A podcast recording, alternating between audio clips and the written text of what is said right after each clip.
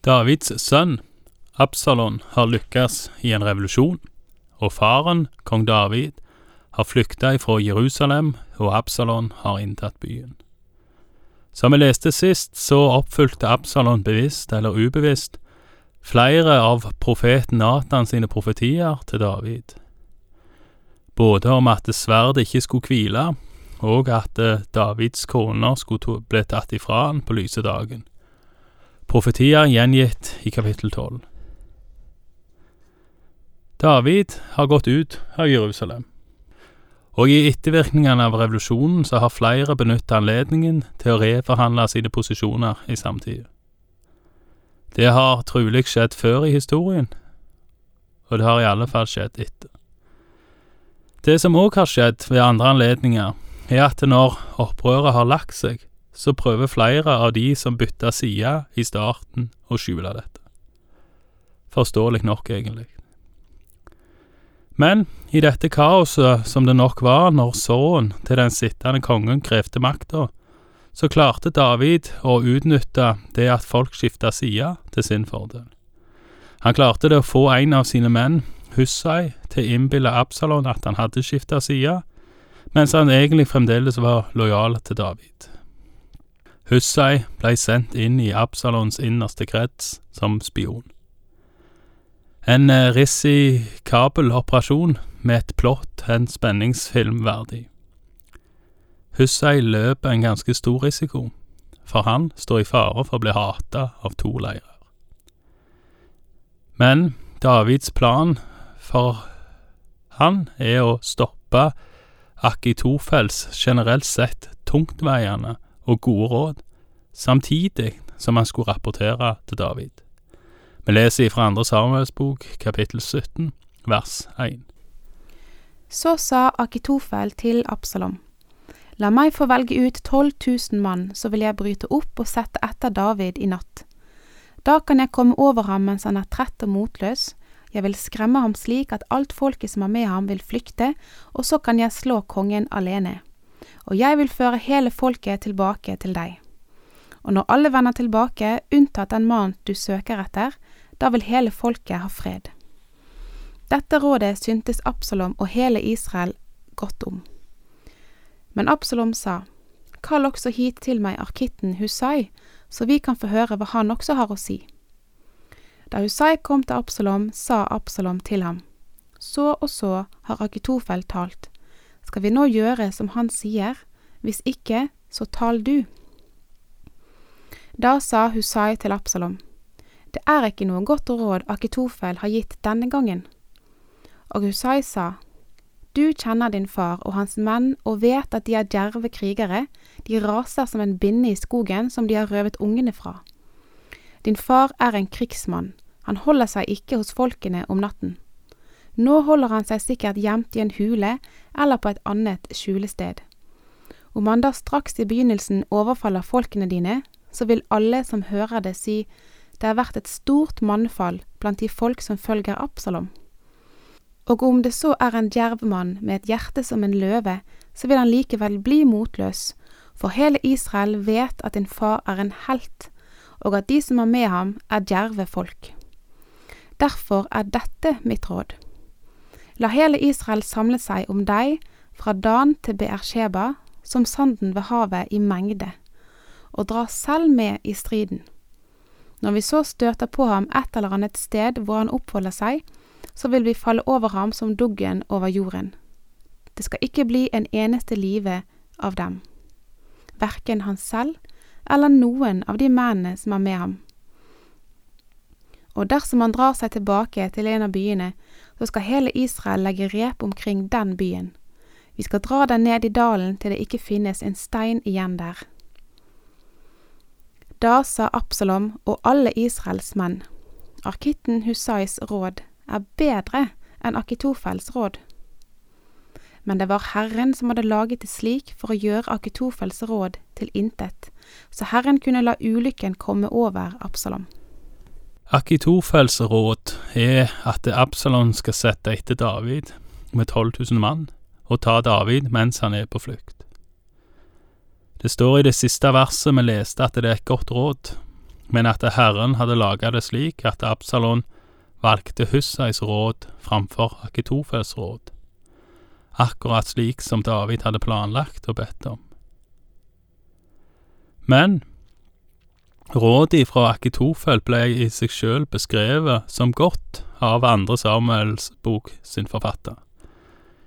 Hvor godt det var, det vet vi jo ikke, men det er ikke utenkelig at det hadde lot seg gjøre for Akitofel med 12 000 mann å ta David allerede samme natt. Akitofel kjente David veldig godt, og visste nok nesten hvordan han skulle klare å ta han. Det var jo en av Davids egne rådgivere som hadde skifta side. Absalon han spør òg Hussei til råds, og Hussei får da den vanskelige oppgaven uh, om å servere et annet råd som er tilforlatelig, som er velbegrunna, men som likevel, sett ifra Davids side, er bedre. Hussei knytter an til at Absalon kjenner sin far, og underforstått antyder vel kanskje han at Absalon sjøl burde vite at det Hussein sier, er rett. Om det er et triks ifra Hussein for å overbevise Absalon eller ikke, det blir spekulasjoner. Men hvis Hussein klarer å så inn sin dårligere plan på en måte som gjør at Absalon nesten tenker at det er hans egen plan, siden han kjenner sin far, i så fall så gjør iallfall Hussein det på en mesterlig måte. Vi leser videre fra vers 15. Så sa Hussai til prestene Sadok og Abiatar. Så og så har Akitofel rådet Absalom og Israels eldste, og slik har jeg rådet. Send derfor hastig bud til David om det og si, Bli ikke natten over på moene i ødemarken, men sett over elven. Ellers vil både kongen og alt folket som er med ham, gå til grunne. Jonathan og Akimas holdt seg i en rågild. En tjenestepike kom ofte med bud til dem, og de brakte beskjeden videre med bud til kong David. De våget ikke å gå inn i byen og la seg til der. Men en gutt fikk se dem og sa det til Absalom. Da skyndte de seg av sted begge to, og de kom til Bahurim. De tok inn til en mann der som hadde en brønn på gårdsplassen, i den steg de ned. Hans kone tok og bredte et dekken over brønnen og strødde gryn oppå så ingen kunne merke noe. Da så Absaloms tjenere kom inn i huset til konen og spurte, Hvor er Akimas og Jonathan? svarte konen, De gikk over den lille bekken her. Så lette de etter dem, men fant dem ikke, og vendte så tilbake til Jerusalem. Så snart de var gått, kom de andre opp av brønnen. De gikk til kong David med budet og sa, Gjør dere ferdige og sett straks over vannet, for slik og slik er det rådet Akitofel har gitt mot dere. Så brøt de opp, både David og alt folket som var med ham, og satte over Jordan. Da morgenen lysnet fram, manglet det ikke en eneste mann, alle var kommet over Jordan.